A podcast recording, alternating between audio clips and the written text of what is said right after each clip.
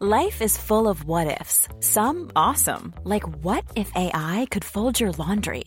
And some, well, less awesome, like what if you have unexpected medical costs? United Healthcare can help get you covered with Health Protector Guard fixed indemnity insurance plans. They supplement your primary plan to help you manage out of pocket costs. No deductibles, no enrollment periods, and especially no more what ifs. Visit uh1.com to find the Health Protector Guard plan for you. Quality sleep is essential. That's why the Sleep Number Smart Bed is designed for your ever evolving sleep needs. Need a bed that's firmer or softer on either side? Helps you sleep at a comfortable temperature? Sleep Number Smart Beds let you individualize your comfort so you sleep better together. JD Power ranks Sleep Number number 1 in customer satisfaction with mattresses purchased in-store. And now, save 50% on the Sleep Number limited edition Smart Bed for a limited time. For JD Power 2023 award information, visit jdpower.com/awards. Only at a Sleep Number store or sleepnumber.com. I'm Sandra, and I'm just the professional your small business was looking for. But you didn't hire me because you didn't use LinkedIn Jobs. LinkedIn has professionals you can't find anywhere else, including those who aren't actively looking for a new job but might be open to the perfect role, like me. In a given month, over 70% of LinkedIn users don't visit other leading job sites. So if you're not looking on LinkedIn, you'll miss out on great candidates like Sandra. Start hiring professionals like a professional. Post your free job on linkedin.com/people today. Palmemordet, vittnet Inge M, del 3. Sveriges statsminister Olof Palme är död. 90 000. Ja, det är mord på Sveavägen. Hörde de säger att det är Palme som är skjuten. Mordvapnet med säkerhet är en Smith Wesson, en revolver kaliber .357. Inte ett svar. Det finns inte ett svar. För jag har inget. Och jag har inte varit Varför skulle jag göra Polisen söker en man i 35 till 40-årsåldern med mörkt hår och lång mörk rock.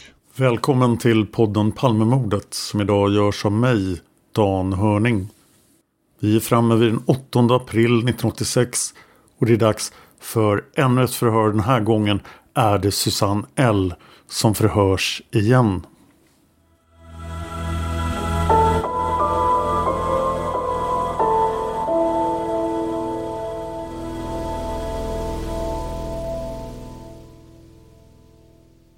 Sedan samma dag förhörs Susanne. Protokoll fört över förhör med Susanne L. Anställd på Bankgirot. Förhöret hållet på KK. Tisdagen den 8 april 1986 med början klockan 12.45. Förhörsledare kriminalinspektör Lars Hamrén. Förhörsvittne ej tillgängligt. Susanne underrättades om att hon skulle höras med anledning av sina iakttagelser. Den 28 februari 1986 i korsningen Tunnelgatan-Sveavägen vid 23.20-tiden. Och det är jag som kommer att vara förhörsledaren och Cornelia Boberg som är Susanne. Ja Susanne, kan du berätta för mig vad som hände under kvällen? Du kan berätta hur ni kom till platsen, den aktuella platsen och så vidare med dina egna ord. Ja, vi kom i bil från Gamla stan och så skulle vi leta efter bankomat för att vi skulle ha ut pengar och så stannade vi vid Tunnelgatan. Den brukar alltid vara öppen och så var vi och hämtade pengar. Vilka var vi? Det var ju jag, Inge, Helena och en kille som, het, som heter Sven-Erik. Jag och Sven-Erik hade hämtat ut pengar och satt i bilen. Helena var på väg till bilen, så som jag kommer ihåg det. Mm, om vi stannar lite där innan du fortsätter. Ni hade varit och hämtat ut pengar. När ni kommer på platsen, tänker ni på någonting då? Ingenting. Vilken väg kommer ni till platsen? Vi kommer från Vasagatan, från Norra Bantorget. Ja, det tror jag i alla fall. Vi stod åt det hållet. Med förnuftigt sätt så kom vi därifrån. Ja, hur då menar du? Ni stod åt det hållet? Vi stod alltså upp mot Sveavägen. Gick ni av där ni stod med bilen? Mm. Vi parkerade bara ett par meter. Ja, innan rödlyserna. Ja, där parkerade ni. Vi stod precis i svackan. Ja, gick ni ut bilen där och bort till bankomaten? Ja, så gick vi till bankomaten. Det var inte så att Inge körde först till bankomaten? Nej. Och släppte av er, sen svängde runt själv? Det kan han ha gjort. Det kan jag inte svära på faktiskt. Mig veterligen så stod vi parkerade där sedan i alla fall. Ja, du och Sven tar ut pengar då. Mm. Hur mycket är klockan då? Enligt mitt eh, bankomatkvitto så var hon 17-18 minuter över 17 minuter över tror jag. 17 minuter över, alltså 23.17. Ja, jag gjorde två uttag. Hur mycket tog du ut? Första gången tog jag ut 200 och sedan tog jag ut 100 till.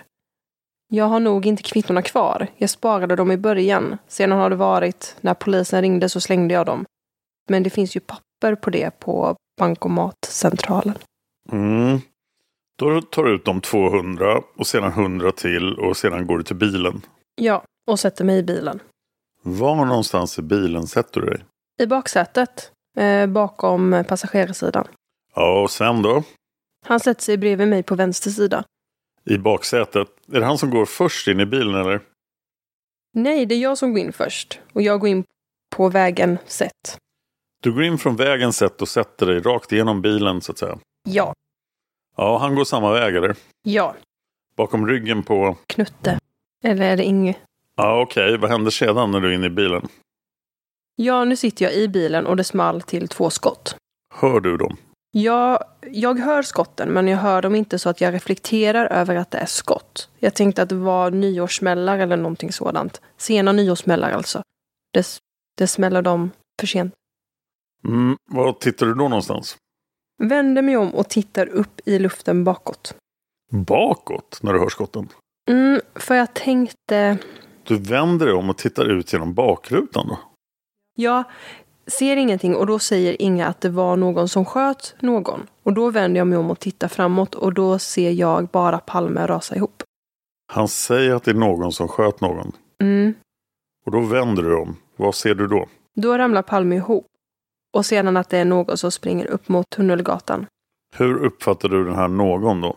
Mörka kläder, det är det enda. Var befinner sig den här någon när du ser honom? Han befinner sig på Tunnelgatan, precis mitt för och bara springer rakt över. Hur långt ifrån Palme? Ett par meter. Har han ryggen mot dig då? Mm. Hur beskriver du den här killen då, eller vad det nu är för någonting? Vanlig, inget speciellt, inte sådär så jag lade märke till något. Jag har väldigt dåligt mörkerseende också. Men att det var mörka kläder, det var det jag såg. Uppfattade du det som en man eller en kvinna? Som en man. Det gör du. Hur lång var han? Ingen bedömning alls, men jag kan. Vanlig, ordinär. Ja, ordinär för dig, vad är det? Hur lång var han då? Runt en 80 kanske.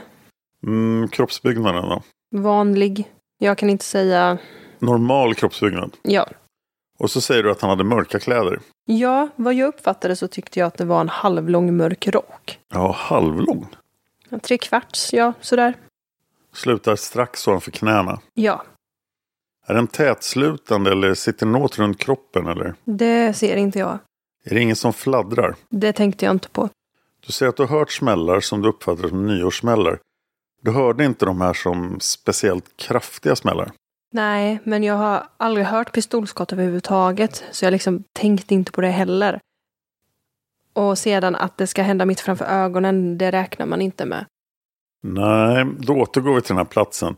Du ser den här mannen springa iväg. Där springer han. Mm, men det tyckte jag nog. Åt vilket håll tar han vägen? Uppåt Tunnelgatan. Uppåt, alltså in från dig sett? Ja, från mig sett. Det stod några baracker där också. Han springer på sidan om. Vilken sida om barackerna springer han? Vänster sida. Just när jag ser, men jag tittar bort väldigt fort också. Ja, men när du ser honom, när du ser honom, du säger ett par meter från Palme. Mm. Det är där du ser honom och då har han börjat springa. Ja, då börjar han springa. Ja, när tappade du kontakten med honom? Strax efteråt när jag tittade på vilka det var som, ja. Vad som hade hänt? Ja, vad som hade hänt. Vad ser du på platsen där? Vad är kvar på platsen? Ja, Palme och Lisbet och sedan är det ett par till. Har det kommit dit ett par till då? Ja. Var kommer de ifrån? Har du sett det? Ingen aning. Vad är det för par? Är det ett par som står där? En tjej och en kille? Vad jag tror det är nu, som jag har läst i tidningar och så, så är det de här två tjejerna som har kommit. Lisbeth, hur befinner hon sig då? Står hon upp då eller? Först och främst låg hon på backen hon också. Låg hon på backen eller? Ja, eller jag hukade över Olof Palme. Ja. Just då när jag såg, sedan ville jag åka därifrån. Jag tycker sånt här är väldigt otäckt. Ja, det är klart. Det tycker vi alla. Men såg du några mer personer? Taxichauffören såg jag. Ja, Jag såg hans U-sväng. Ja, innan dess då? Nej. Såg du några personer som stod efter husväggen där? Nej, det är det jag inte har sett. Det tänkte jag också på. Jag tittade ju ut genom bakrutan. Då tycker jag att jag borde ha sett det, för jag reflekterar om folk går förbi nära bilen eller så. Mm, du såg inga bakom dig där. Nej, Och på andra sidan, på mordplatsen efter husväggarna där då? nej, Såg ingen. det tänkte jag inte på. Det finns en tunnelbanestation precis alldeles i närheten där ni parkerade. En nedgång där. Såg du några där? Det går ju folk hela tiden där. Gick det folk hela tiden där menar du? Det kan jag ju inte svära på. Det borde det nog ha gjort. Det strövar folk hela tiden, allra helst vid den här tiden. Men jag kan inte erinra mig att jag såg några speciella människor liksom. Nej, hur uppfattar du? Var det mycket folk ute den här kvällen? Som vanligt, helg efter lön, då brukar det vara rätt mycket folk ute på stan. Vi var ju ute på två olika ställen. Det var ju mycket folk. Ja, du lade inte märke till något speciellt innan? Några speciella gängbildningar eller någonting? Nej, ingenting. När du klev ut och gick till bankomaten eller efteråt? Nej, jag kommer inte ens ihåg om det är någon som står för oss i bankomaten. Kommer du ihåg hur Palme och Lisbeth var klädda? Nej, det gör jag inte heller. Men hur uppfattar du deras klädsel då? Det tänkte jag inte på. Du har inte tänkt på det efteråt vad de hade för kläder på sig? Nej. Du har tydligen tänkt att han hade något mörkt på sig i alla fall. Den där... Ja, han som sprang. Men det är också allt. Allting gick ju väldigt fort. Mm. Sedan var det ju bara massa folk där helt plötsligt. Sedan fick vi grönt och så åkte vi. Men ni hade kommit in i bilen ordentligt då? Ja, jag och Sven-Erik satt i bilen när skotten small. Och Helena var tydligen på väg till bilen. Det har du hört efteråt. Mm, Men ni satt inne i bilen. ja. Sven-Erik, vad såg han av det här? Han såg väl ingenting skulle jag tro. Jag tror inte han hade glasögonen på sig. Ser han inte utan glasögon? Då ser inte han någonting. Nej. Hade ni druckit mycket starka drycker den här kvällen? Nej, det var väl mest öl. Men det var nog så det räckte. Var ni påverkade av ölen? Mm. Kan du gradera den här berusningsgraden? Var du ordentligt full eller Nej, det var inte det. Lagom rolig. lagom rolig? Är det något mer som du har tänkt på själv som du inte sagt förut här som vi har pratat om nu? Nej, jag har försökt att tänka men jag kommer inte fram till något mer. Nej, har ni pratat om det här mycket efteråt? Inte mycket alls faktiskt. Inte så där i alla fall som man... Jag frågade ju då Inge om han hade varit här uppe då, men det hade inte blivit så mycket sagt. Nej. Och sedan just att jag har sagt vad jag tyckte jag såg och att det inte var så mycket. Okej, då avslutar vi för klockan 13.00. Stockholm dag som ovan, Lars Hamrén, kriminalinspektör. I hörbara delar rätt avskrivet intygas av Ann-Marie Sjöblom.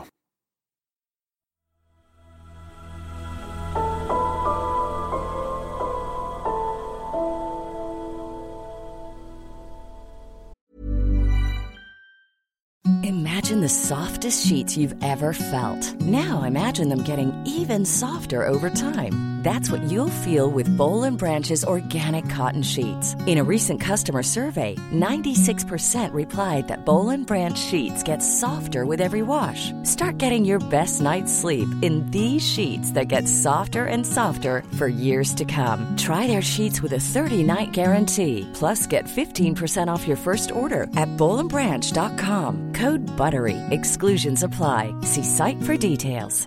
Everyone knows therapy is great for solving problems, but getting therapy has its own problems too, like finding the right therapist, fitting into their schedule, and of course, the cost. Well, BetterHelp can solve those problems. It's totally online and built around your schedule. It's surprisingly affordable too. Connect with a credentialed therapist by phone, video, or online chat, all from the comfort of your home. Visit betterhelp.com to learn more and save 10% on your first month. That's BetterHelp H E L P. Millions of people have lost weight with personalized plans from Noom, like Evan, who can't stand salads and still lost 50 pounds. Salads, generally, for most people, are the easy button, right? For me, that wasn't an option. I never really was a salad guy. That's just not who I am. But Noom worked for me. Get your personalized plan today at Noom.com. Real Noom user compensated to provide their story. In four weeks, the typical Noom user can expect to lose one to two pounds per week. Individual results may vary. Tack så mycket Cornelia. Det här är tyvärr det enda ni kommer att få höra av Cornelia i det här avsnittet. För nu är dialogförhören klara. Men om ni vill höra mer av henne så finns hon i podden Nu blir det historia tillsammans med mig. Det finns över 15 avsnitt utav Nu blir historia min nya svenska historiepodd. Och Cornelias nya svenska historiepodd. Så lyssna gärna på den. Vi kommer ganska snart att starta en enorm serie om Rysslands siste tsar. Vi har även talat om den isländske seriemördaren från 1500-talet Axlar Björn. Och vi har ställt oss frågan Fanns Jesus på riktigt och fanns Buddha på riktigt? Tillbaka till vittnet Inge M. Nästa sak som händer Inge är en konfrontation med ingen mindre än Viktor Gunnarsson. Inge tycker inte att Viktor Gunnarsson påminner om Palmes mördare. Den 24 april 1986 har Palmeutredningen börjat fundera på de konstiga tidsuppgifterna från bankomaterna. Och jag har framför mig ett spaningsförslag i grövre brottmål. Uppgiftsmottagaren är kriminalinspektör KG Sjödin. Brott med vilket uppdraget hör samman, mord, komma Palme. Förhöret sker klockan 16.00. Den som hörs är censurerad. Men händelsen är hörd angående tidsinställning av bankomatklockor anslutna till bankgirots övervakningssystem. Personen uppger att han arbetar som någonting, men förmodligen någon form av tekniker, hos bankgirots datacentral. Bland uppgifterna har han bland annat att ställa dataklockan till bankomaternas övervakningssystem. Själv brukar han ställa dataklockan mot klockan som finns på väggen i datahallen. Någon exakt tidsangivelse förekommer inte. Någon anteckning över vilka som ställer dataklockan görs inte. Det kan vara vem som helst av operatörerna som är i tjänst när klockan ska ställas. Vid kontroll av dataregistreringen, uppgifter från datamaskinens skrivare, framkommer att dataklockan ställdes den 28 februari 1986 klockan 08.00. Vem som ställde klockan går inte att utröna. Det kan vara 4-5 olika personer som har gjort detta. Slut sammanfattning. Tidsuppgiften från den här bankomaten verkar alltså ganska opolitlig. Det hade varit betydligt bättre om det hade varit någon slags automatisk klockställning eller om de åtminstone ringt upp fröken Ur när de ställde klockan. Men vad är det som säger att klockan som finns på väggen i datahallen inte går fel? Den. Palmeutredningen verkar ha fått all info de behöver från vittnet Inge. Men sen blir det 1987 och då dyker en ny intressant person upp på arenan. Det är Thomas Kanger. Thomas är en svensk författare och journalist född 1951. På 90-talet var han knuten till TV4 samhällsprogram Kalla fakta. Men han skriver också en bok om Palmemordet och han gör det alltså så tidigt som 1987. Boken heter Mordet på Olof Palme, utredning på villospår och en person han pratar med mycket i boken är vittnet Inge. Och notera hur otroligt tidigt det här är. Det är alltså innan Christer Pettersson, det är innan polisspåret blir en stor grej. Det här är väldigt banbrytande. Så tack så mycket Thomas Kanger. Thomas kallar Inge M för Martin och Helena för Eva. Och jag kommer nu att citera från Thomas Kangers bok Mordet på Olof Palme, utredning på villospår. Och det är från sid 13 så citat Thomas Kanger. Och Martin är alltså Inge. Redan tidigare på kvällen korsade deras spår. Det var ett sammanträffande som långt senare fick Martin att rysa. Olof och Lisbet hade ju gått ett stycke längs Stora Nygatan på väg mot tunnelbanestationen i Gamla stan. Bara 7-8 minuter senare går Martin och hans sällskap på samma gata och i samma kvarter fast i andra riktningen. Klockan är tio i nio på fredagskvällen. En halvtimme tidigare hade Martin och fästmön Eva åkt hemifrån. Martin hade kört norrut genom stan med bilen till Vulkanusgatan alldeles runt hörnet om Norra Bantorget för att hämta två vänner. Tillsammans ska de besöka rockklubben Kaos på Stora Nygatan 21. Martin har legat sjuk hela veckan, förkyld. Det är den första feberfria dagen, man känner sig ännu lite matt. Kvällen får inte bli sen. Eva ska upp och arbeta morgonen därpå. Martin ser fram emot att gå på klubb. En bekant är med i bandet som ska spela på kaos. Och det är roligt att för en gångs skull bara få lyssna och koppla av. Martin spelar ofta själv, en frilansmusiker med många engagemang på kvällstid. Dagarna är också fyllda av musik. Han undervisar i ämnet i skolan. Bandet är bara halvhyggligt, men det är glad rock och blues. Martin känner sig lite överårig. Han är mer än tio år äldre än de tonåringarna som är där. Martins vänner dricker flera starköl och låter en mild berusning skölja hjärnan ren. Eva nöjer sig med ett par öl. Martin håller sig till juice och kaffe. De bryter upp tidigt, kvart i elva. Vännerna vill fortsätta på restaurang men Martin och Eva ska hem. Först måste de dock hämta pengar. Vännerna för restaurangbesöket och Martin och Eva för lördagens olika inköp. De hade försökt ta ut pengar i bankomaterna på väg till klubben. Men alla var tömda och stängda. Nu gäller det att finna en som är öppen. Martin kör från Kornhamnstorg i Gamla stan där bilen stått parkerad längs Skeppsbron. Förbi Kungliga slottet och Operan och sedan Regeringsgatan norrut. De snurrar runt i kvarteren på Norrmalm i jakt på en icke tömd bankomat men det är som förgjort. Martin försöker minnas var automaterna är placerade. Han kör Hamngatan mot Sergels torg in i rondellen och sedan Sveavägen norrut. Vid korsningen med Tunnelgatan lägger han sig i vänsterfilen, svängfilen. Där i hörnet syns en blå skylt i bankomatens fönster. Det betyder öppet, det finns alltså pengar. Han svänger ner på Tunnelgatan och släpper av Eva och de båda vännerna. Sedan gör en U-sväng på gatan med bilen och ställer med nosen riktad mot Sveavägen. Bilen hamnar mitt på givaren till stoppljusen i korsningen. Det leder till att signalerna slår om flera gånger och hindrar trafiken på Sveavägen. Martin ser sig lite omkring, orolig över att det ska komma en polisbil och ge honom böter för den mindre lagenliga parkeringen. Klockan är 17-18 minuter över 11. Samtidigt som Martin ställer bilen vid trottoarkanten ser han en man snedd över trottoaren på andra sidan Sveavägen. Han kommer gående norrifrån men passerar på utsidan om den trekantiga reklampelare som står bara en meter från körbanan.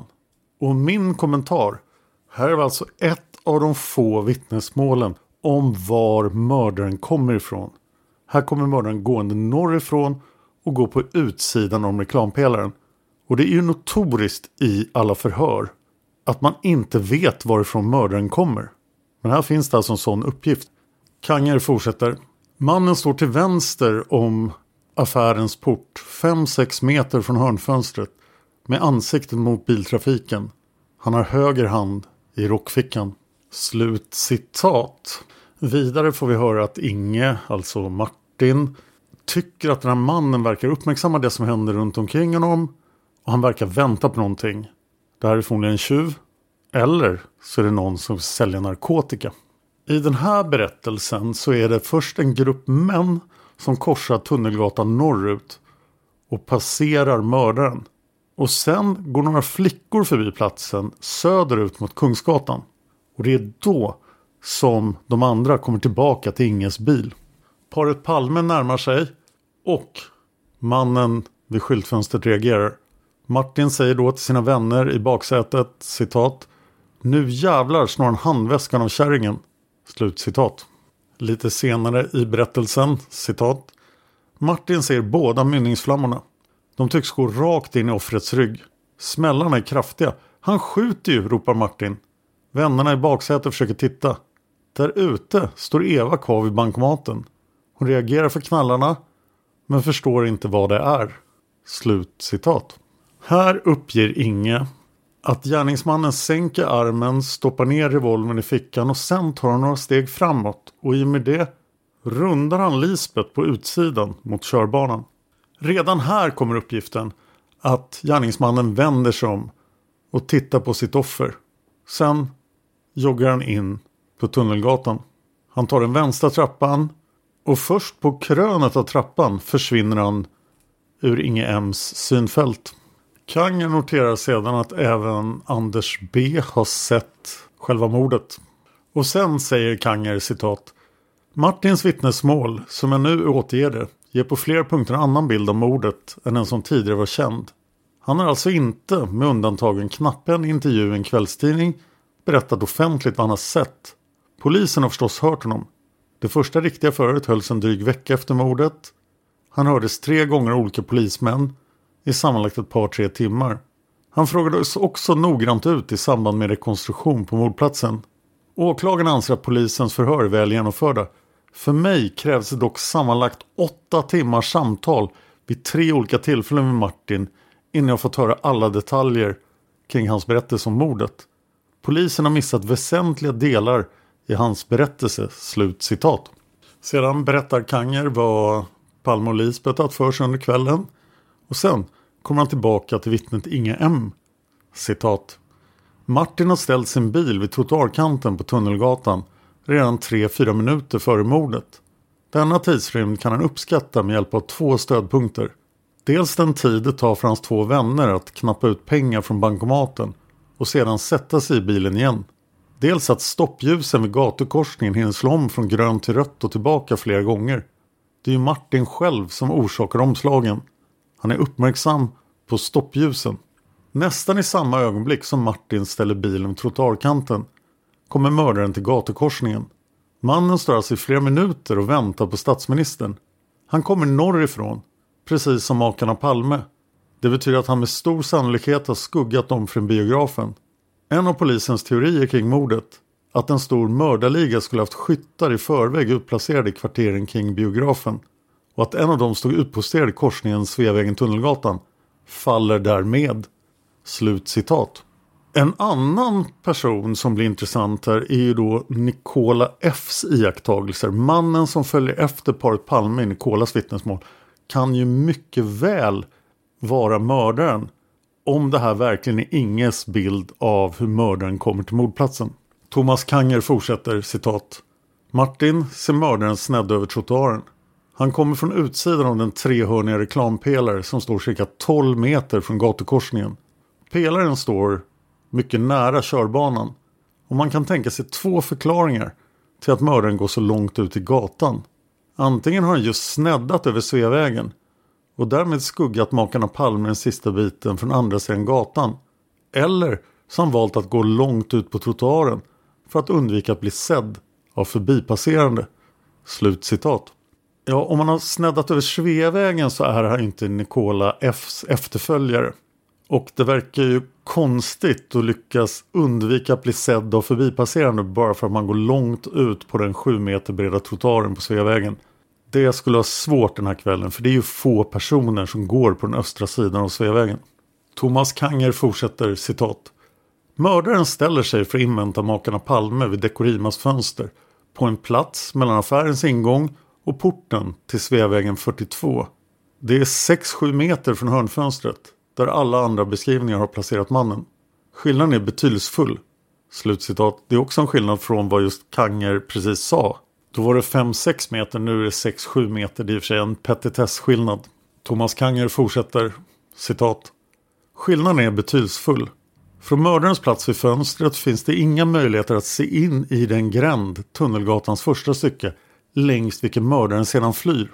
Denna flyktväg har ansetts idealisk eftersom den omöjliggör förföljande med bil. Gränden börjar med en 89 trappsteg brant trappa.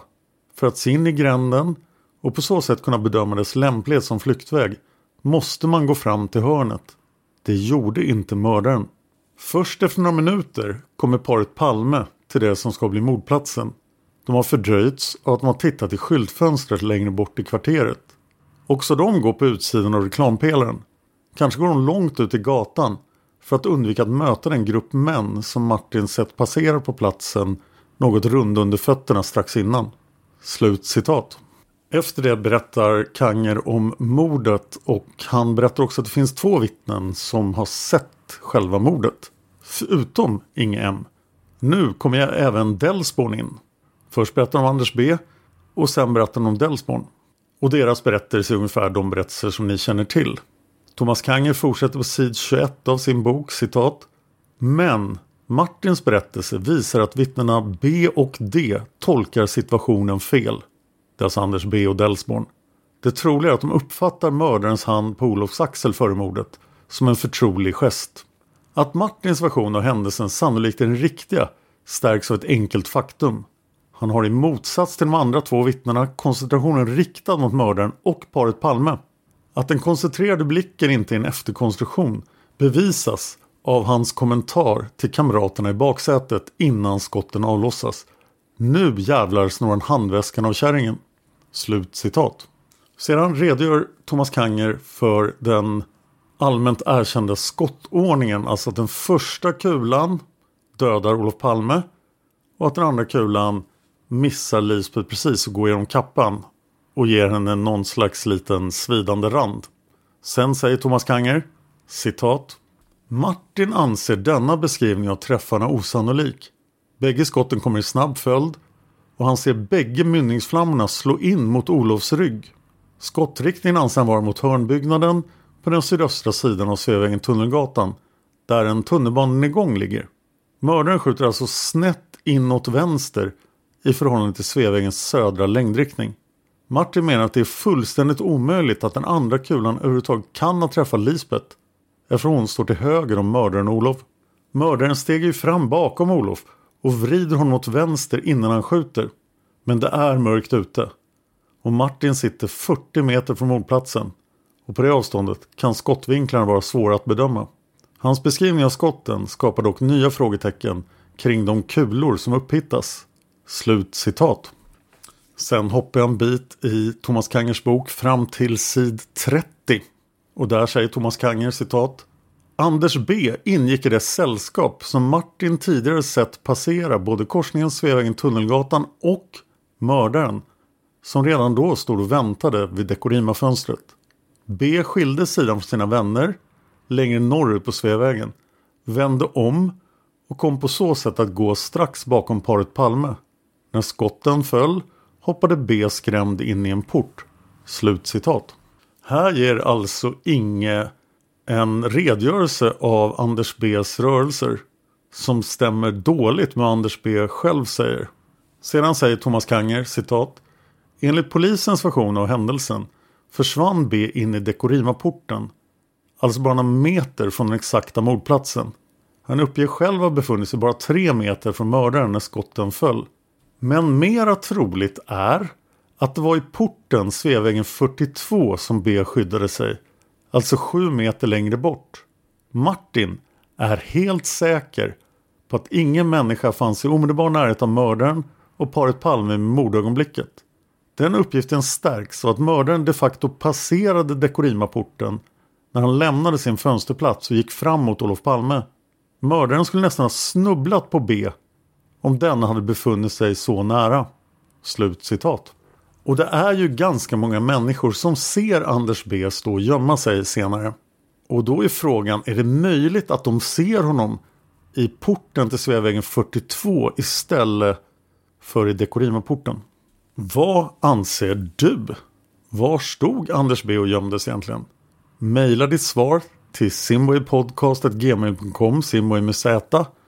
Så tar jag upp det i ett kommande avsnitt av Vittnet Inge M. Ska vi reda ut det här ordentligt. Och där är Thomas Kanger klar med Vittnet Inge M. Men om du som jag tycker om att läsa alla böcker om Palmemordet så är det här en viktig bok just eftersom den är först. Så läs gärna Mordet på Olof Palme, utredning på villospår från 1987. Jag hittade den på Söderhamns bibliotek när jag läste den.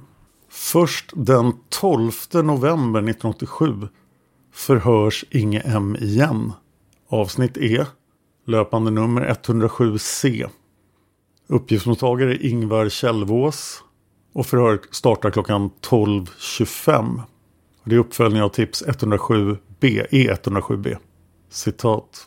Inge kan inte säga exakta tider när nedanstående händelser inträffade. När han hade parkerat bilen mittemot bankomaten tittade han sig runt omkring. Han såg då hur mördaren kom gående Sveavägen söderut på dess östra gångbana framför en reklampelare som är placerad strax innan korsningen med Tunnelgatan. Mördaren släntrade fram och ställde sig vid skyltfönster bredvid ingången till Dekorima. Efter cirka 15 till 30 sekunder kom det ett gäng på 4 till 7 personer gående Sveavägen norrut. Inge upptäckte dem strax innan korsningen med Tunnelgatan. Personerna gick en klunga och var bra berusade. Han uppfattade dem vara mellan 25 och 40 år och att de var vinterklädda. Någon ytterligare beskrivning kan han inte lämna. I korsningen mötte gänget två män som gick Sveavägen söderut. Han beskriver männen också vara i 25-40-årsåldern. Någon beskrivning på deras klädsel kan han inte lämna. De två männen fortsatte Sveavägen söderut. Sedan iakttog han mördaren under cirka 3-4 minuter.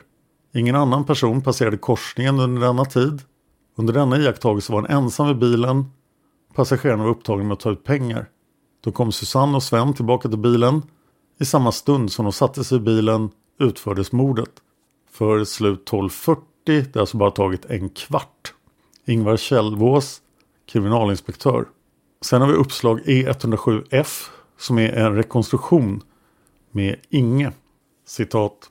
Inge hade parkerat sin bil på Tunnelgatan cirka fem meter väster om trafiksignalen vid Sveavägen. Passagerarna i bilen var vid bankomaten på andra sidan Tunnelgatan. Inge såg en man stå vid skyltfönstret mellan entrédörren och hörnet vid Tunnelgatan till butiken Dekorima, Sveavägen 42. Ett par kom gående på den östra trottoaren, Sveavägen söderut. Mannen slöt upp bakom paret. Han la vänster hand på offrets axel, höjde höger arm och sköt två skott i tät följd. Ingen såg mynningsflammorna. Offret föll ihop. Gärningsmannen stoppade handen i fickan, retirerade lugnt och försvann in i gränden, Tunnelgatan österut. Och sen finns det foton då man kan se Inges position. Slutcitat. Och observera då eh, i att förhöret från eh, den 12 november 87 har de två kvinnorna som gick söderut bytts ut mot två män. Men även här finns alltså uppgiften att mördaren kom norrifrån. Han gick söderut och gick framför en reklampelare. Och det är framför från Inges synvinkel. Så även här finns alltså uppgiften om vart mördaren kom ifrån. Och återigen passar det här ganska bra in på Nikola Fs observationer. Christer Pettersson anhålls den 14 december 1988, häktas den 16 december och sen 1989 är det dags för rättegång i Stockholms tingsrätt. Och då kallas förstås vittnet Inge M. Och nu kommer ni få höra tingsrättsförhöret med Inge i sin helhet. Så det här avsnittet blir ganska långt men det har ni säkert redan märkt. Och i nästa avsnitt är det dags för hovrättsförhöret som är ännu längre.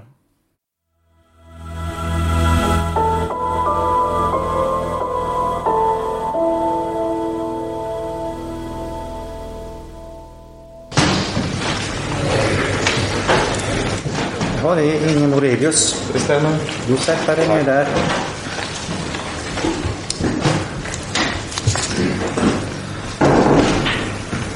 Åklagarna sitter där och har begärt att du ska höras som vittne. Försvaret för en tilltalad sitter på den sidan. Det kommer att ställas frågor till dig så småningom. Du vet vad ett vittnesförhör är? Ja. Då är du skyldig att tala sanning under straffansvar. Då ska jag be att du avlägger vittnesed. Jag, Inge Morelius. Jag, Inge Morelius. Lovar och försäkrar. Lovar och försäkrar. På heder och samvete. På heder och samvete. Att jag ska säga hela sanningen. Att jag ska säga hela sanningen. Och inget förtiga. Och inget förtiga. Tillägga eller förändra. Tillägga eller förändra. Då är det min plikt att tala om för dig och er, att erinra dig om edens vikt. Vem av åklagarna? Det är Jörgen Anblad. Varsågod.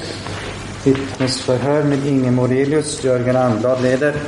Ja, Inge, du befann dig i eh, Stockholm city fredagen den 28 februari 1986.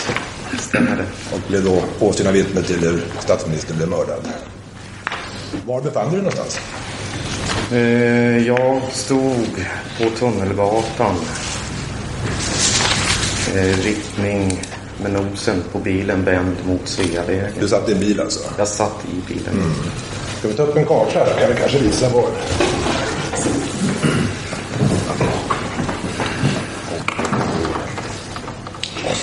Den skuggade biten där, det är alltså Sveavägen.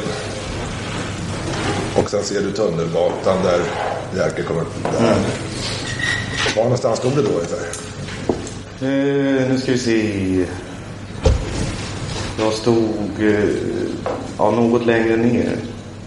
Ska vi säga en 10 meter från övergångsstället ungefär där. 10 meter från övergångsstället? Ja, någonting sånt där. Jag stod så att avkännaren så att säga för rödlyserna ute på Sveavägen och Tunnelgatan kände av bilen så att det slog om hela tiden.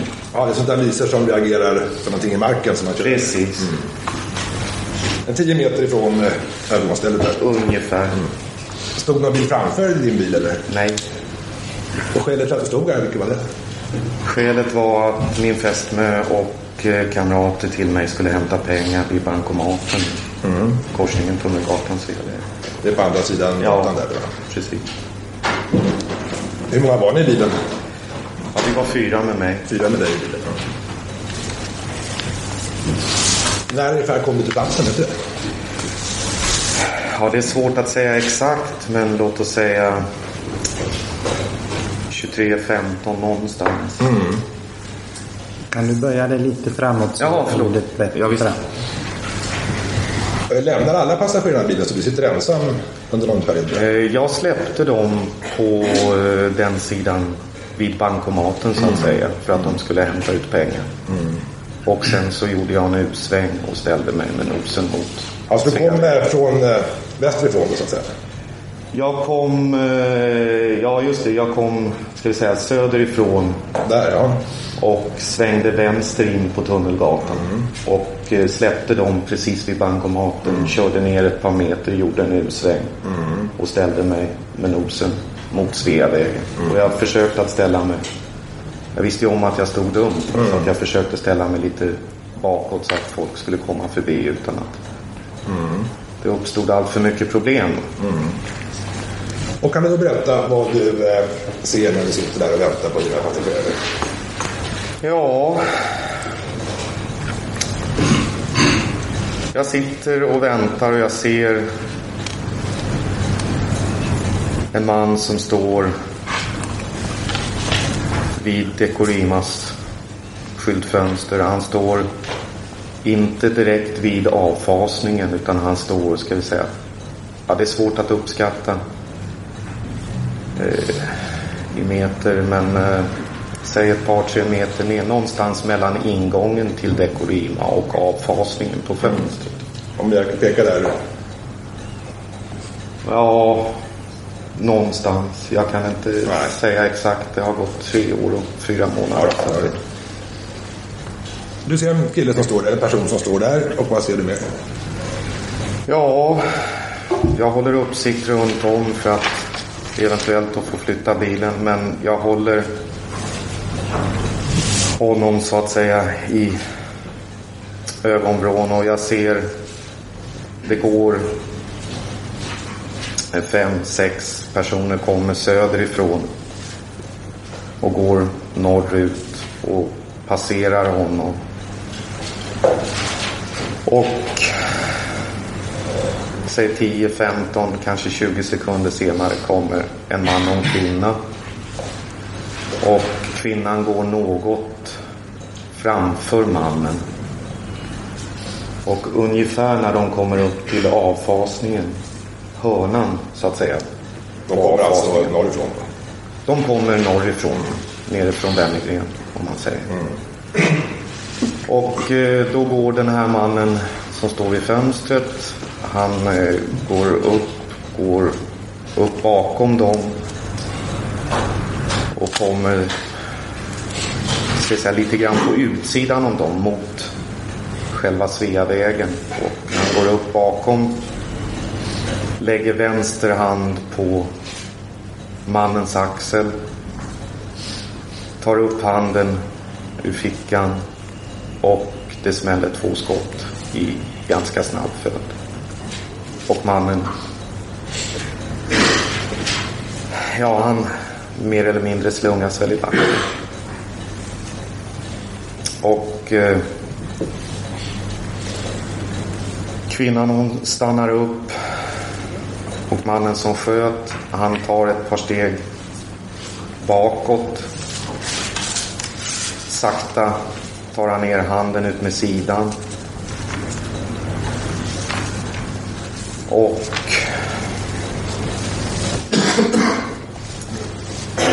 eh, Han gör det väldigt lugnt och jag eh, förstår att håller jag inte honom med blicken nu så, för jag räknar ju med att massor med folk skulle strömma till, så kommer han att försvinna i vindet så att säga. Så att jag håller honom i blicken och han för ner armen, han tar ett par steg bakåt från kroppen.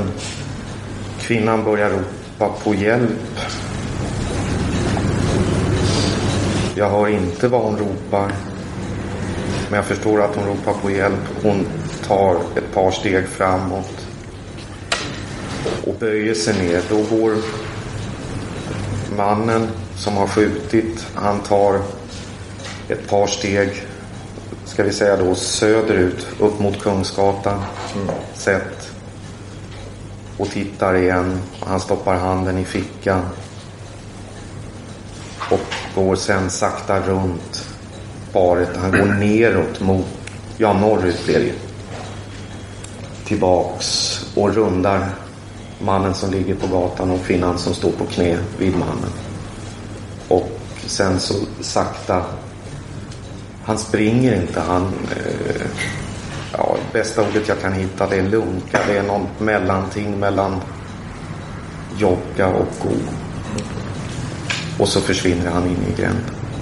När du säger gränden, menar du då? Alltså, Då menar jag Tunnelgatan.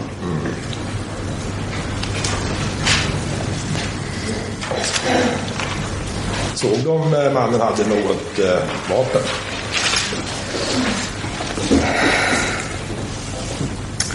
Det där är svårt att säga om det är en efterkonstruktion utav mig med minnet. Men jag såg klart och tydligt två mynningsflammor, ja.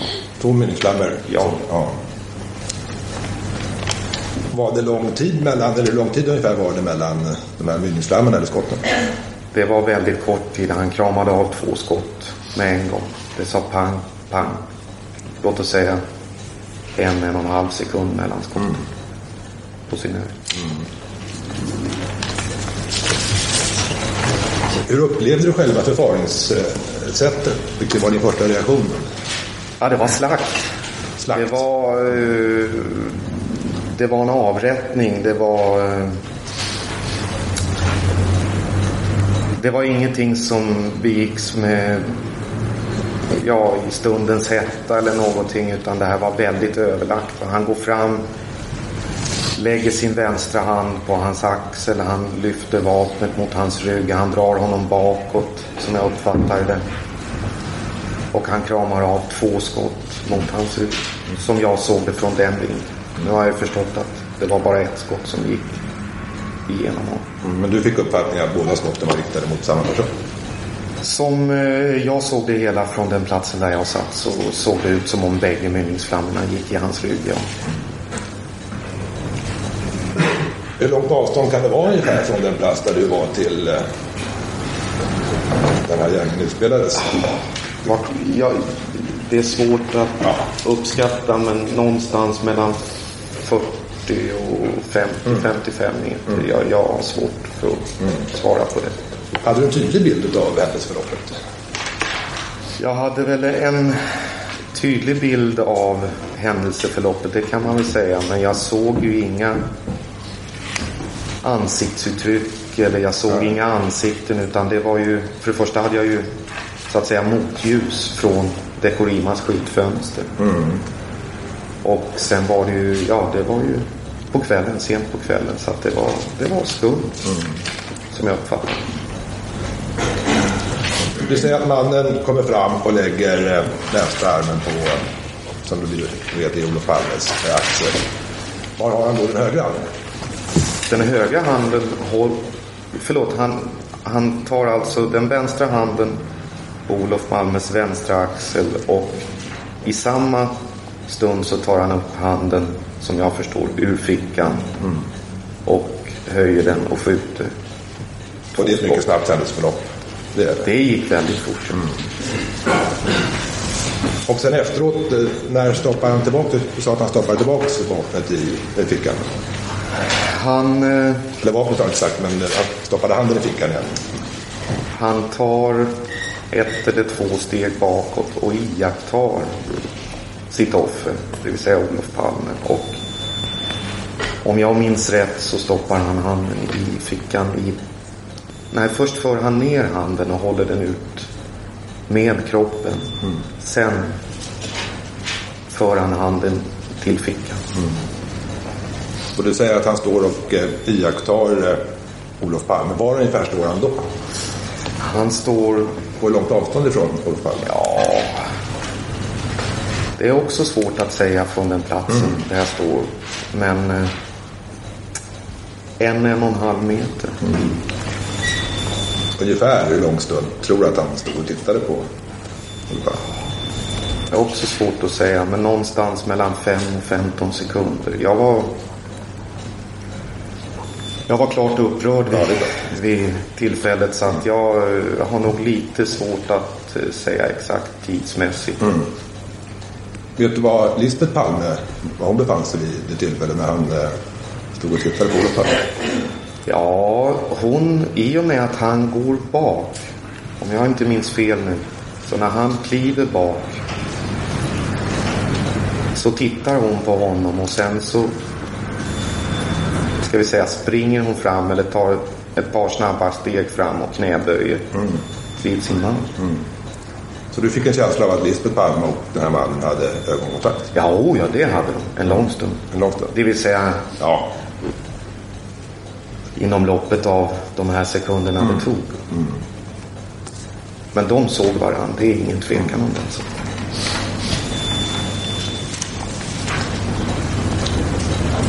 Och sen eh, går mannen eh,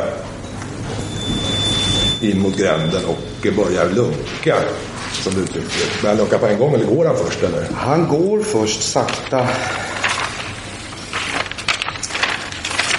Om vi säger norrut är bakåt så går han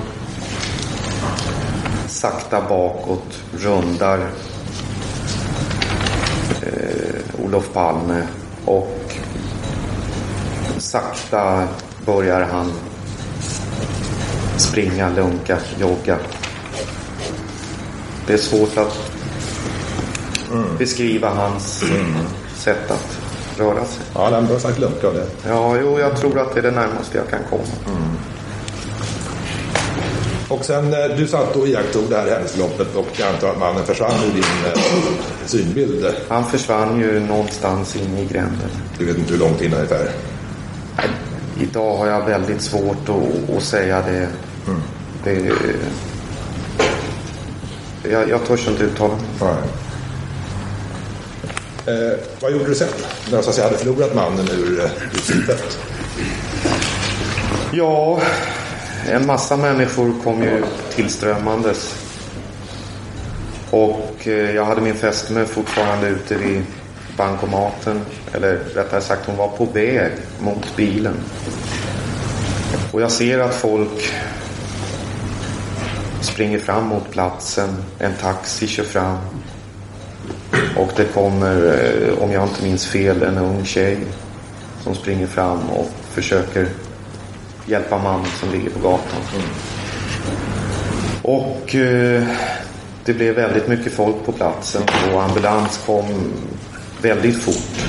Och polis kom också väldigt snabbt till platsen. Hur lång tid kan det ha tagit innan polisen kom? Ja, ett par, tre minuter på, på sin höjd. Och likadant var det, ja, om jag inte minns fel så var ambulansen där före polisen. Men det, det ska jag låta vara osagt. Under den här tiden, då satt du fortfarande och iakttog eh, händelseförloppet? Ja, då hade väl vi börjat eh, tala med varandra i bilen också. Då hade väl det värsta utav spänningen släppt och kom så att säga den bedövande chocken. Såg de ytterligare någon person? Gick in eller sprang in på Tunnelgatan? Nej. Jag såg ingen person som sprang in. Utöver? I gränden. När det här inträffade då så har du beskrivit eh, tre personer som är med i händelseförloppet. Såg du någon annan person utöver de här tre? Runt om i en radie av låt oss säga 5-10 meter. Det är också svårt för mig att bedöma avståndet. Så fanns det ingen. Det fanns det inte? Jag såg ingen och jag Jag stod så dumt till med bilen. Jag var orolig för p-böter och så vidare och så vidare. Så att jag höll försökte hålla uppsikt och ville heller inte stoppa trafiken. Men eh, ja, jag höll uppsikt och jag såg ingen. Jag höll uppsikt bakåt, jag höll uppsikt åt sidorna, jag höll uppsikt rakt fram. Men eh, jag såg ingen. Eh, du såg ingen på andra sidan. Såg du någon eh, person eh, i närheten av din bil? Nej, inte mer än min fästmö som stod vid bankomaten. Om det skulle ha stått någon person i korsningen kan vi säga. I korsningen. Ja, jag såg ju folk där. som stod vid rödlyset med bilar. men inte några promenerande. Och inga personer som stod stilla i korsningarna? Nej. Och heller inte på andra sidan Sveavägen. Nej. Varken vid tunnelbanan eller vid Dekorima. Mer än de tre. Och den här eh, gärningsmannen då. Eh, fick du en uppfattning om hur han var klädd? Hur han såg ut? Hur gammal han var? Han hade, som jag uppfattade från där jag satt, så hade han en stickad mössa som var neddragen över huvudet, typ Jack Nicholson typ.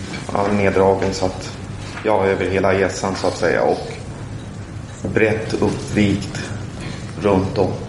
Jack Nicholson, det är skådespelaren som... Ja, från Gökboet och... Var mentalpatient var det. Ja, precis. Men att mössan var brett uppvikt. Så uppfattade jag det hela. Och han hade en parknas, parkasliknande rockjacka, vad man nu kallar det för något. Men det fanns ingen kapuschong. Det kan ha varit en halvlång täckjacka. Den slutade, som jag uppfattade så slutade den någonstans på låret ovanför knän. Vad det gäller byxor och skor så är jag inte alls säker. Färgen på jackan? Mörk. Mörk, det är rätt du kan säga. Och likadant mössan. Mm. Mannen gav ett mörkt intryck. Ja. När det gäller klädseln.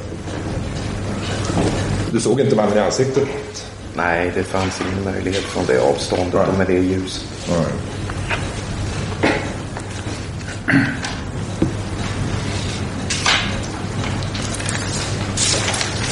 Om vi ska återgå lite grann till i händelseförloppet här då till eh, den här mannen som byggdes då någonstans i närheten av avfasningen där vid Dekorina.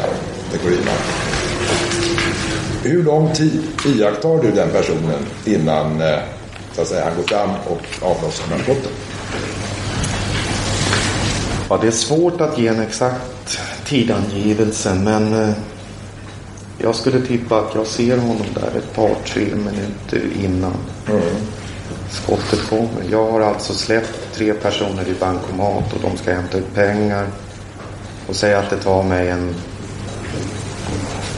10-15 sekunder efter jag har släppt av dem vid trottoaren och snurrar runt och jag står parkerad på andra sidan.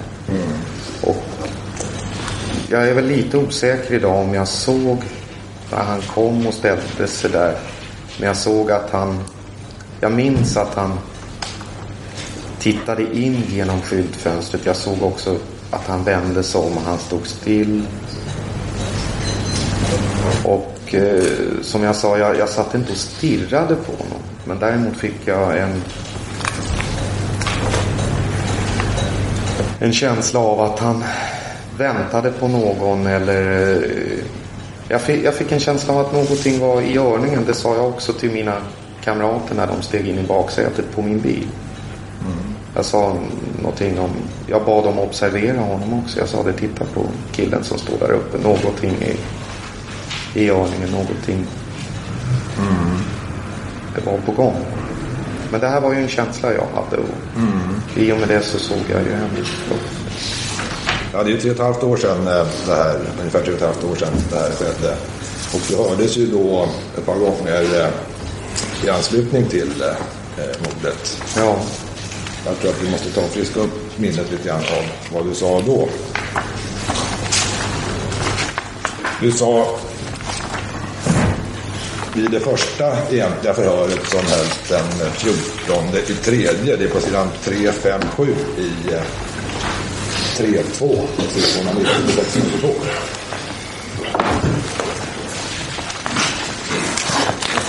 Vilken sida var det? 357. Nej, 359 står det.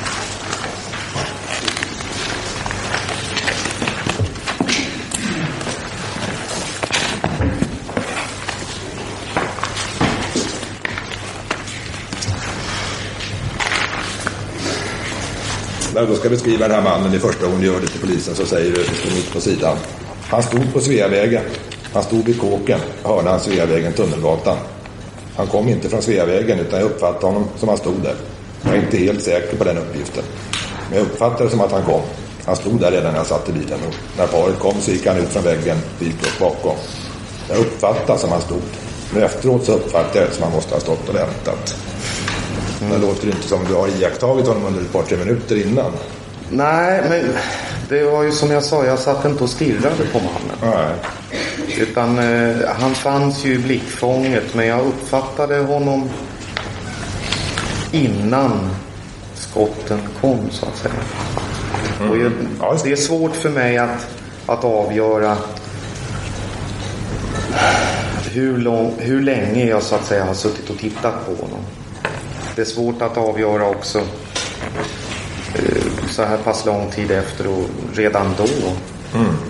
Eh, Jag menar, jag, jag väntade mig ju inte att han skulle skjuta ner en människa. Nej, tider och avstånd är alltid svårt att komma ihåg som vittne. I samma förhör på sidan 365.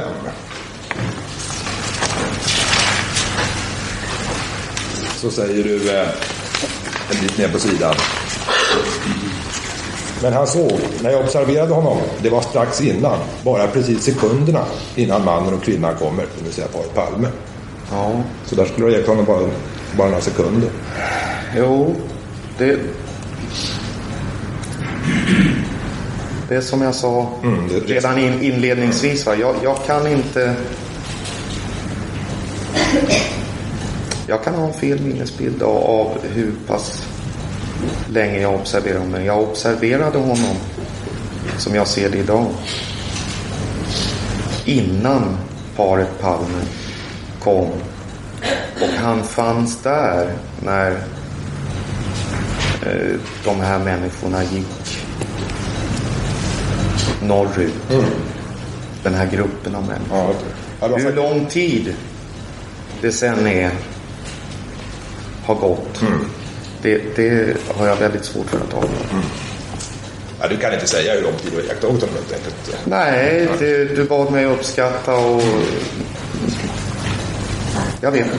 Jag kan säga rent allmänt att eh, de förhör polisen haft med det, där handlar det alltså om eh, du knyter an till eh, den här gruppen och det skulle ta 10-15 sekunder eller Ja. några sekunder. Jag måste Det, fråga- det låter nog ganska rimligt jag. Jag måste fråga dig, har du läst den här boken?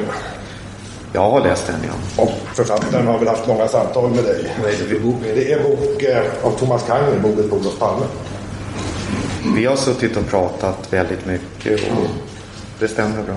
Och han påstår i den här boken, utan att eh, lägga det i din mun, att eh, du skulle ha iakttagit eh, mördaren eh, tre, fyra minuter. Och det är första gången jag ser den uppgiften förut. Ja. Kan det vara så där- att du nu idag så att säga har influerats av de samtal du haft med författaren? Nej, jag, jag tror nog att eh, vi sitter, och det var ju som jag sa till Thomas redan då, att eh, det hade ju gått lång tid redan då när vi talades Mm. vid. Att det här är ju svårt för mig att uppskatta. Och det... Men som nu när jag tänker tillbaks på det Mm. Så uppfattar jag det som betydligt längre tid. Mm. Att jag satt och iakttog honom. Men samtidigt så ligger det i sakens natur att de uppgifter du lämnar i, med, med nära anslutning till mordet, det, det är väl de, den inställning du hade De är nog mer korrekta än de jag har möjlighet att lämna idag. Ja. Ja.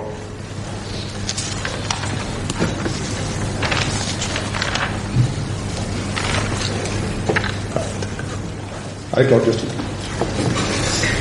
Försvaret, Dan Lindroth. Tack. Ja.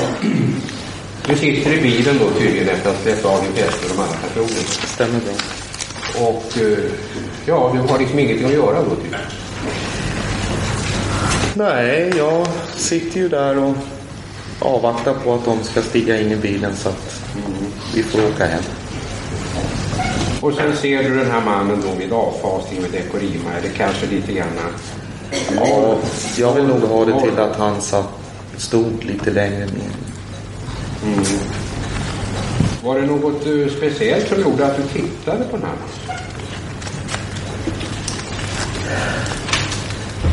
Ja, det är var det jag försökte förklara lite grann tidigare. Att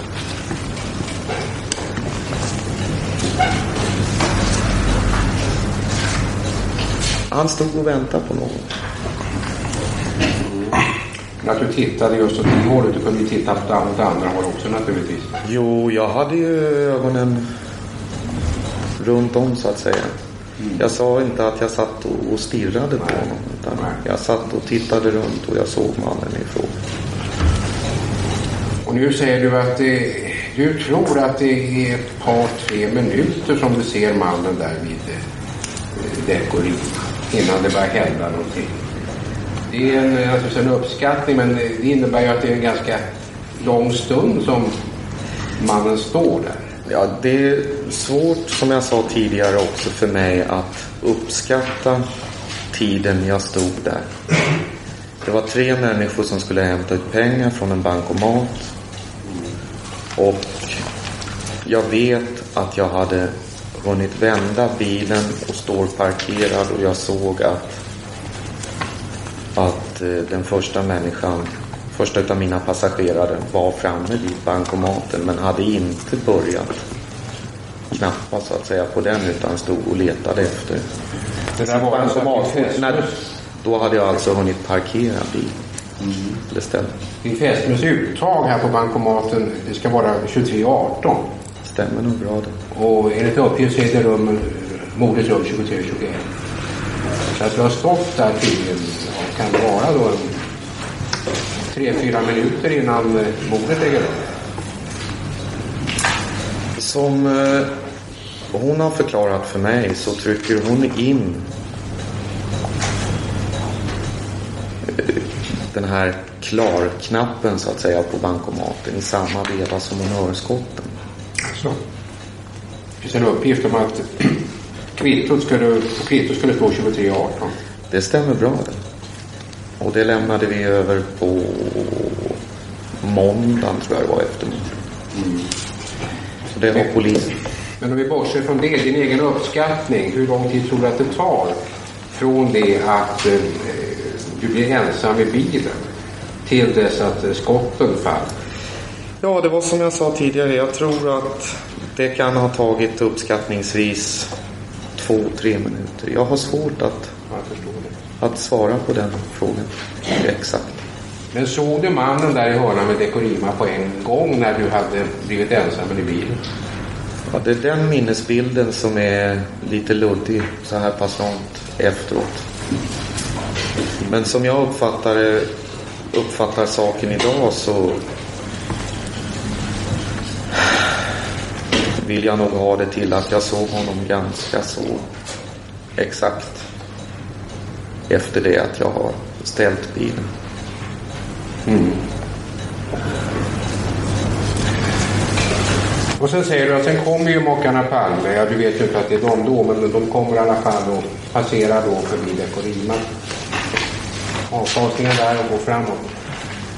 Hur, är det, hur går de i förhållande till varandra? Hon går på hans högersida snett framför om jag inte misstar mig. Och eh, säg att det rör sig om ett, ett och ett halvt steg framför. Så att de har fortfarande så att säga kontakt med varandra. Höll de varandra under armen? Det där är en luddig minnesbild men jag tror att de höll varann under armen strax innan men att hon släppte honom och tog ett par steg. Ett par längre steg än honom. Men det ska jag låta vara osagt. Jag är väldigt osäker på den uppgiften. Ja, du säger sedan att du ser skott och ser du Palme sjunka ner. Ja. Och vad är då fru Palme i det läget? Kan du säga. Fru Palme står upp ett par, ett, ett och ett halvt steg ifrån sin man. Och han hinner hamna på gatan liggandes innan hon går fram mot honom. Ja, det har funnits uppgifter här tidigare i målet att hon, han faller ner och hon också dras ner. Nej. Är det inte, är inte din uppfattning? Hon stod kvar och som jag uppfattade jag hörde inte vad hon skrek men jag förstod att hon ropade på hjälp och sen tar hon ett eller två steg framåt och knäböjer vid sin man. Hur länge är hon i knäböjande ställning? Har du något begrepp om det? Ja, ända tills mannen som sköt försvann. Kom det några andra personer till stedet när hon när Olof Palme ligger där och hon är i knäböjande ställning? Ja, det gjorde det, men inte förrän mannen som sköt hade försvunnit. Som jag förstår. Jag är lite, lite grann osäker om han hade redan hunnit in i gränden eller om han bara hade hunnit runda dem så att säga. Där är jag lite osäker idag. Med runda, då menar du att han då har passerat så att han har kommit närmare själva körbanan? Han står mot körbanan, har Olof Palme liggandes framför sig, har Lisbeth Palme till, snett till höger om sig, ståendes. Han tar ett eller två steg upp och han går sedan runt paret norrut och rundar och går sen snett upp runt Palme så att säga och in i gränden. Det där att man skulle ha rundat uh, makarna Palme, det är för mig en ny uppgift. Jag har inte sett det någonstans. Har du sagt någonting om det till, poli till polisen? Om jag inte misstar mig så tog vi upp det även vid rekonstruktionen, ja.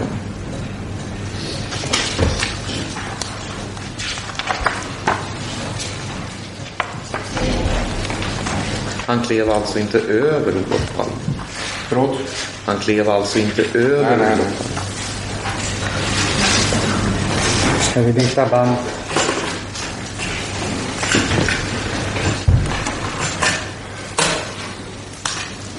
Fortsatt förhör med Inge Morelius, advokat Birger Roos. Varsågod. Ja, du säger att du tyckte det här var ett iskallt uh, förfarande från mannens sida. Mycket. Mycket. Så att... Uh, förefaller att vara en person som hade erfarenhet av att skjuta som visste vad han gjorde så att säga. Ja, det, det var min absoluta känsla vid tillfället och är även idag, ja. Det var ingen vettvilling enligt din bedömning som en galen människa som var ute och, och sköt på det här sättet? Galen måste han ju ha varit om han tar livet av en människa. va? Men eh, han gjorde det inte i någon form av, eh, vad ska man kalla det? Att han bara får för sig att han ska gå fram och, och, och skjuta. Ja, det hänför mig till sidan 308 här i V2. Den 80. Och där är det våld, det är upptaget på förband. Och där står det ungefär mitt på sidan. Det var slakt, helt iskallt. Det förstod jag med en gång. Det var inte någon jävla galning som var ute och sköt vem som helst. Utan han stod helt klart och väntade lite upp bakom. Och han tog tid på sig. Det var fruktansvärt lugnt. Där har du sagt att det var inte någon jävla galning. Utan det här var ett medvetet planerad historia. Övertänkt situation. Han eh, visste att han skulle skjuta människan i fråga, ja.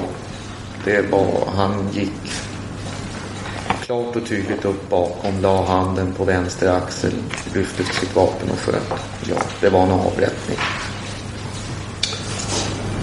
Och beträffande klädseln här. Du sa Du talade om jacka. Var det, kan du säga om det var en rock eller om det var en jacka som han hade? Eh, jag vill beskriva det som en eh, typ parkas eller en eh, halvlång täckjacka någonstans ner på låret gick den. Ovanför knät i alla fall. Det är svårt för mig att, som jag satt och med motljus, att avgöra exakt vad det var för typ av jacka. Men jag uppfattade det som en typ parkas. Ja, just det, jag tänkte fråga. Du sitter liksom lite grann i uppförsbacke i bilen där va? Det gör jag. Och eh, hur tycker du att belysningen var i hörnan här? Sett från din Ja, från, från min sida sett var den ju ganska dålig eftersom, som jag sa tidigare, det, jag får ju motljus från Dekorimas skyltfönster. Mm. Personerna som du ser, blir det mera som silhuetter då du ser? Nej, det är väl lite grann att ta i. Men eh, jag kan ju inte urskilja några exakta detaljer. Jag kan inte urskilja ansikte, jag kan inte urskilja om, om eh, det är knappar eller dragkedja i, i jackan, rocken. Jag kan inte urskilja om eh, vad det är för färg på mössan. Men jag kan se klart och tydligt att hon har en mössa på sig. Färgen kan du inte uttala om? Nej. Det var mörkt Mörk. alltihop. Som jag uppfattar den var den mörk. Samma med jackan, rocken, parkasen. Och färgen på den här eh, parkasen som du säger, vad kan det vara? Eh, mörk. Mörk. Närmare vill jag Närmare, inte. närmare kan du inte, Nej, kan du det inte vore säga. fel.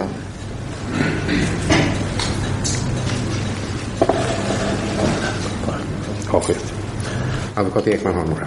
Varsågod, advokat Ekman. Jag fick inte klart för mig hur pass långt upp på Sveavägen ser du med mannen och kvinnan som sen visar sig vara makarna Palme första gången de kommer gående. Nej, jag ser ju dem när de kommer. Min minnesbild är att de, de är väl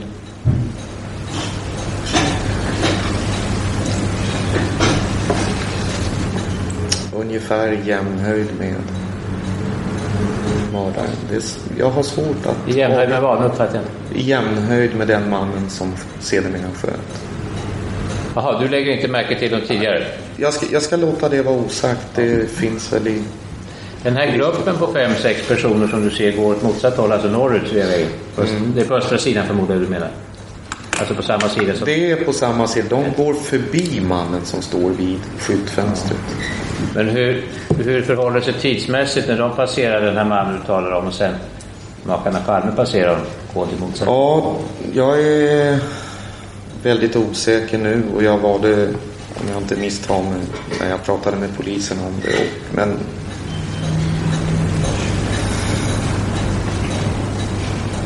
någonstans mellan 5 och 15 sekunder. Det, det är svårt att, att behålla någon form av känsla för tid om man inte sitter och tittar på klockan exakt hela tiden. Men du kan i vart fall, du har i vart fall inte sett dem mötas? Den här gruppen och paret Palme? Ja. Nej. Men 50-15 sekunder bör det ha passerat emellan. Det tycker jag att det bör ha gjort. Jag uppfattar det så att när du först ser makarna Palme så säger du att kvinnan, alltså Lisbeth Palme, går ett, ett och ett halvt steg snett framför, det så? Som jag sa då så är jag lite osäker på den uppgiften. Min minnesbild är nog snarare att när jag först upptäcker dem så går de bredvid varandra men att hon ungefär i samma veva tar ett steg eller ett par snabba steg ifrån honom så att det skiljer kanske ett, ett och ett halvt normalsteg från Jaha, sin man. ifrån honom, men åt vilket håll då? Framåt, bakåt eller åt sidan? Ja, framåt. Framåt. Hur långt går de sen då innan skotten smäller? Ja, det smäller väl strax efteråt. Det är svårt att avgöra. De Hur kommer det sig då att, eh, när du sen beskriver det i nästa fas, då säger du att Olof Palme befinner sig ett till två steg framför Lisbeth Palme. Ja, då har vi nog missförstått varandra eller också har Du jag säger sagt att Lisbeth fel. Palme går fram mot Olof Palme när han faller. Lisbeth Palme går och Olof Palme går upp mot Kungsgatan. Lisbeth Palme släpper kontakten med sin man, tar ett par snabba steg och är ett, ett och ett halvt steg framför Olof upp mot Kungsgatan sett. Mm. Så har jag fattat Och där... Missförstod jag dig nu eller? Nej, så har jag fattat dig också. Ja, precis så sa jag. Alltså att Palme är en... Olof är alltså bakom Lisbeth. Mm. Men sen då? Den smäller ju skotten. Vad händer då? Ja, Palme faller och hon stannar upp. Och vänder sig om och hon skriker, ropar på hjälp. Som jag förstår. Hon är... Hon är väl upprörd förstås. Jaha, du påstår att hon vänder sig om och går något steg Hon eh, går ju tillbaks så småningom. Först stannar hon upp. Vänder sig om. Om hon vrider på huvudet eller vänder sig om helt, det ska låta vara osagt. Och så småningom så eh, går hon bak och knäböjer vid sin man. Va? Eller ja, går ner på huk eller vilket förfarande hon har. Det... Ja, ja, då förstår jag bättre hur det går ihop. Sen bara fråga dig, på vilken sida av Tunnelgatan försvinner den här mannen? Som du uppfattar har skjutit? Eh, På den norra eller södra sidan? Eller mitt i? Jaha, du menar in i gränden? Ja. Ja, han försvinner väl eh, via infasningen och försvinner ur mitt blickfång någonstans in i. Om han springer mitt i gränd eller om han springer vid husväggen eller vid, vid bodarna. Det, Ja, är han i närheten av Dekorimas skyltfönster eller är han på andra sidan? nej, han är mer mot de- Dekorima. Mer mot Dekorima, den norra sidan så att säga. Ja, just. Ja. Jaha, tack.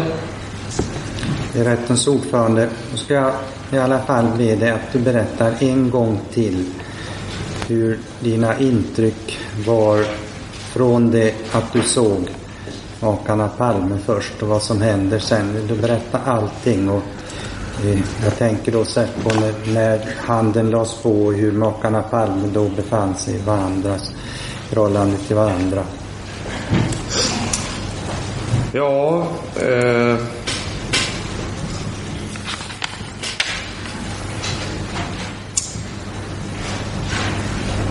Makarna Palme, så att säga, släpper väl närkontakten, om vi säger som så, med varann ungefär i jämnhöjd med mannen. Eller kanske vid avfasningen. Mannen lämnar fönstret går upp bakom Olof, lägger sin vänstra hand på hans axel, lyfter armen mot hans rygg. Det smäller två skott, jag ser två mynningsflammor. Olof stannar upp när han när mördaren lägger handen på hans axel. Och två skott smäller. Mynningsflammorna, som jag uppfattade där jag satt, gick rakt in i ryggen. Och Lisbeth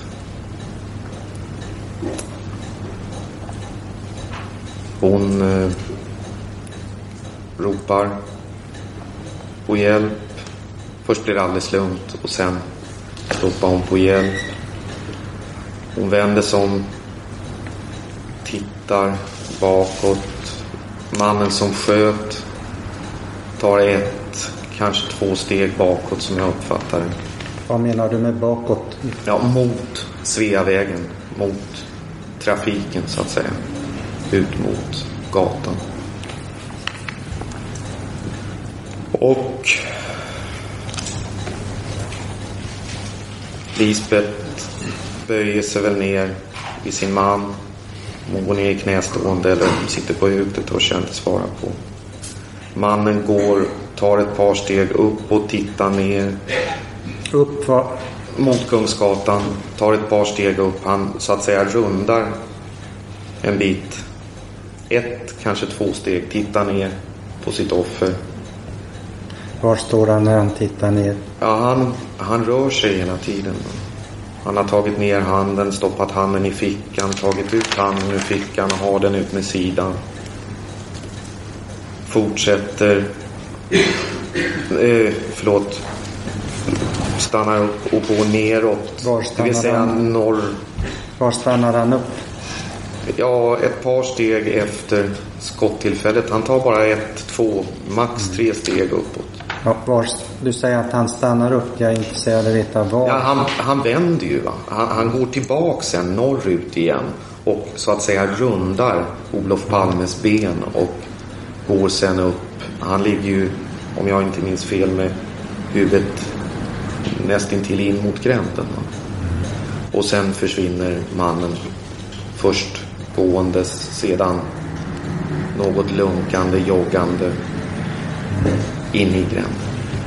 Jag frågade, stod den här mannen som sköt stilla vid något tillfälle innan han begav sig in i gränden? Han stannade ju upp och tittade ner på Lisbeth Palme när hon står, eller knäböjer. Vi Var, var står han då? När han Då står han mitt för kroppen så att säga och tittar ner. Och var är det någonstans på gatan? Vid mordplatsen förstås. Mm. Var har han ryggen någonstans då? Han har ryggen mot mig. Snett emot mig om jag inte misstar mig. Ja.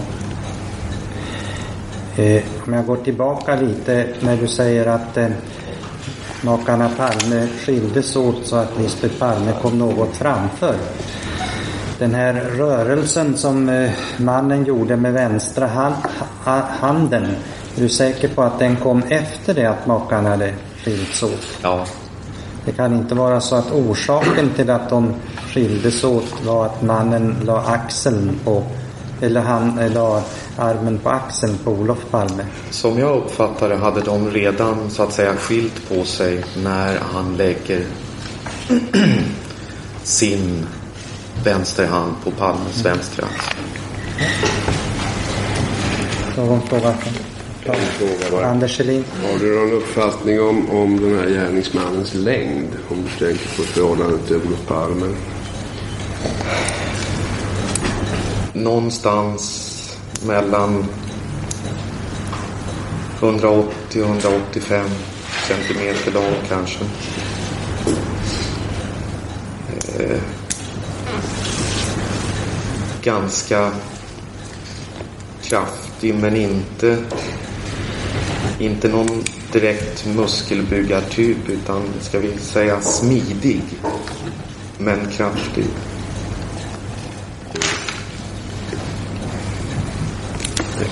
Jörgen Landlund? Med anledning av vad advokat Liljeros frågade dig om så ska jag bara återkomma och tjata en gång till om eh, den tidsrymd under vilken du kan ha sett den här mannen innan eh, mordet.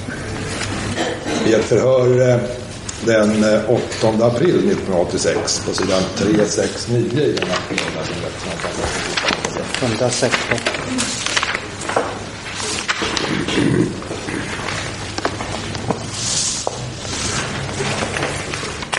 Mitt på sidan där beskriver du att du sitter och väntar och säger ja just det. Och jag väntade ju att de skulle komma med en gång så vi kunde sticka. För jag stod ju väldigt dumt. Men det var ju ingen trafik på den gatan och det var inte mycket trafik på Sveavägen heller. Susanne Larsson och Svenne, eh, som heter Sven Rolfart, kliver in. Och kliver in i bilen och då har jag sett en kille som står. Observerat en kille som bredvid skyltfönstret vid den här butiken. När observerade du honom? Ja, ungefär i samma veva som de kliver in i bilen. Mm. Då. Det var väl då jag började så att säga Ja, det, står på här tidigare. titta på honom så att säga. Jag, men han, han, min minnesbild idag det är att han han fanns där när jag snurrade med bilen och stod med nosen mot Sveavägen. Men det är ju inte en minnesbild du hade då. Nej, det var ju som jag sa inledningsvis. Det har gått tre år och fyra månader och en massa tidningsskriverier och prat i tv och radio. Du har tagit del av tidningsskriverier och sånt som rör det här förstås eftersom du har Ja, det är ju vissa svårigheter att låta bli. Va? Och sen har ju tidningarna en viss förmåga att söka en också. Ja, och sen har du talat med Thomas Galler också förstås. Sen har ju Thomas och jag haft långa och vilda diskussioner. Ja, tack. Försvar, advokat Ekman. Ja, Minns du om det var en eller flera av ditt sällskap som tog ut pengar på bankomaten? Alla tre klev ut men som jag förstod det så jag tror att alla tre, jag vet med säkerhet att min fästmö och Susanne Larsson tog ut pengar. Din fästmö och Susanne Larsson? Ja, just det. Om sen Sven-Erik eh, Rolfart gjorde det eller inte, om han bara gick ut för att sträcka på benen, det törs jag inte svara på. Och det var så att säga för mig ganska ointressant. Du vet du vem som var sist in i bilen utav de här tre? Ja, det var min fästmö. Det var din fästmö. Ja, tack. Det var ett förhör. Det var en, förlåt mig, en fråga Ja, det var Piljeroth. Jo. Jag fick inte riktigt klart för mig på vilken sida Lisbeth gick om Olof Palme när de kommer fram här vid korset. Hon går på högersidan mot gatan så att säga. Mot gatan? Ja, som jag... Den minnesbilden har jag idag.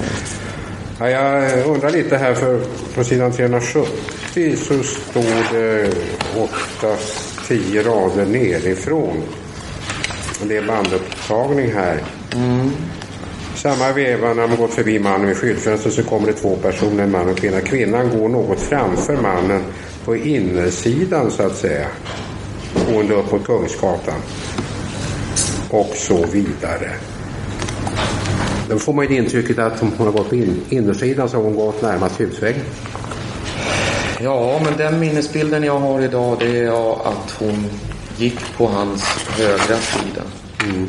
Att hon rörde sig så att säga på högersidan upp. Det, Men det är tydligen klart att du har sagt innersidan här. Var det... det är mycket möjligt. Jag har inte läst igenom vad jag har sagt och den minnesbilden jag har haft när jag har talat med polisen den är väl mer eller mindre borta. Jag kan inte svara på exakt hur jag har sagt. Ja, det här är ett förhör den 8 april 1986. Ja, det är möjligt. Jag var säkert där. Du hade tydligen den uppfattningen vid den tiden Ja. då att hon gick på insidan. Närmast till husvägen. Kan det inte vara en missuppfattning? Kanske. I och med att hon, eh, när hon knäböjer så står hon på insidan. Inte på utsidan med ryggen mot mig, utan med ansiktet mot mig. Jag törs inte svara på. Apropå det förblir hon i samma ställning så att hon kommer att ha ansiktet vänt mot dig mest hela tiden som du gör de här iakttagelserna. När hon knäböjer Ja. vid sin man, då, då har hon ansiktet mot mig. Mot dig? Ja. Och står på insidan av sin man. Mot Dekorimans väg, så att säga. Gentemot Olof Palme. Ja, tack. Eh, Jörgen Almblad. Kan du eh, med innersidan eventuellt mena att eh, Lisbeth Palme skulle ha gått på den sidan som var närmast dig?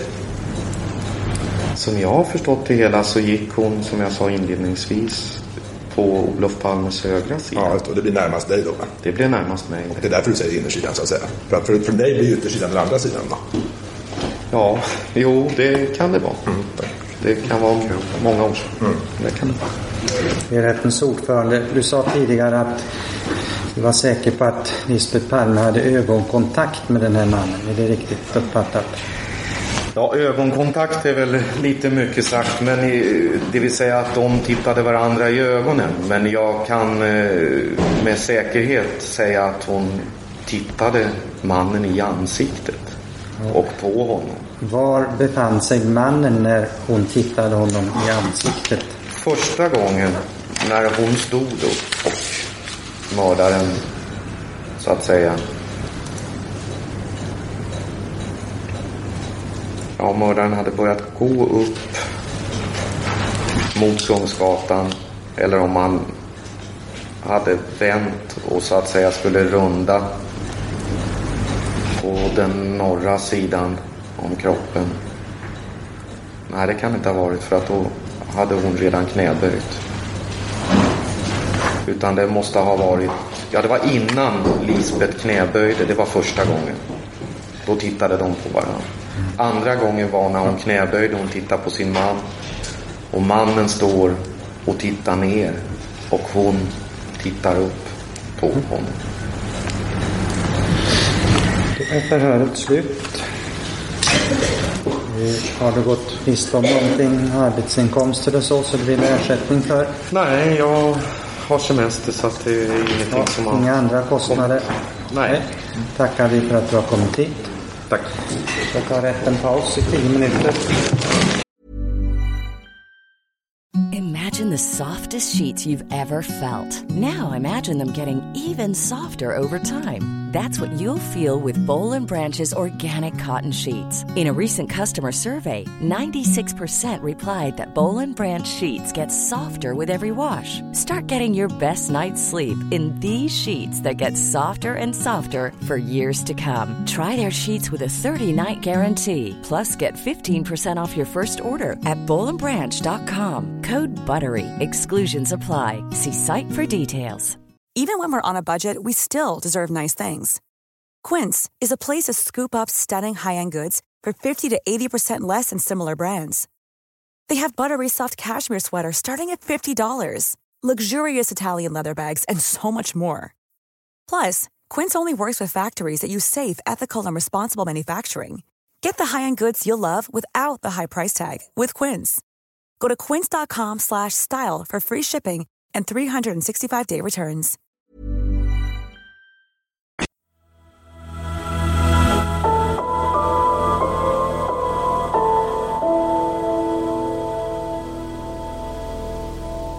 Och där är vi klara med tingsrättens förhör av Inge M. Jag finns på X och Instagram. Jag heter Dan Hörning så är lätt att hitta. Följ mig gärna där. Då kan du följa alla mina poddprojekt. Och nu ska jag prata om en poddserie jag gjort i Mördarpodden.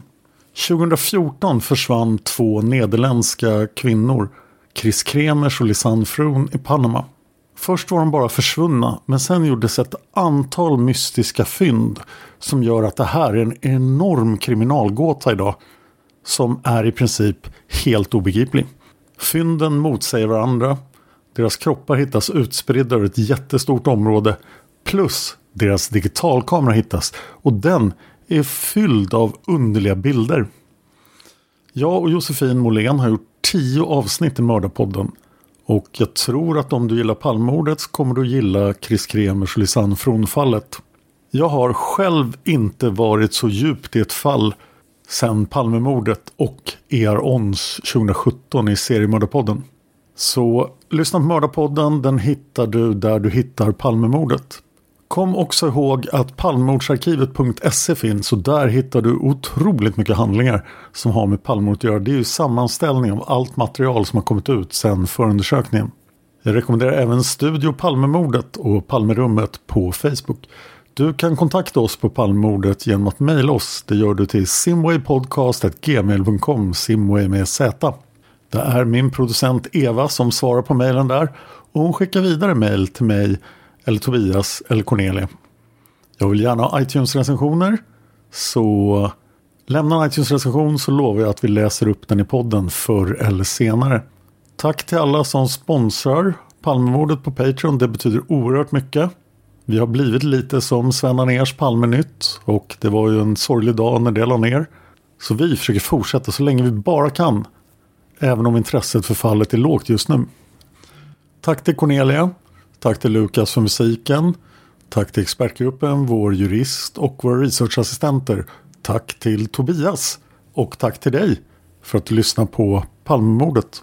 Man hittar Palmes mördare om man följer PKK-spåret till botten. För att ända sedan Julius Caesars tid har det aldrig hört talas om ett mord på en framstående politiker som inte haft politiska skäl. Polisens och åklagarens teori var att han ensam hade skjutit Olof Palme. Och det ledde också till rättegång. Men han frikändes i hovrätten.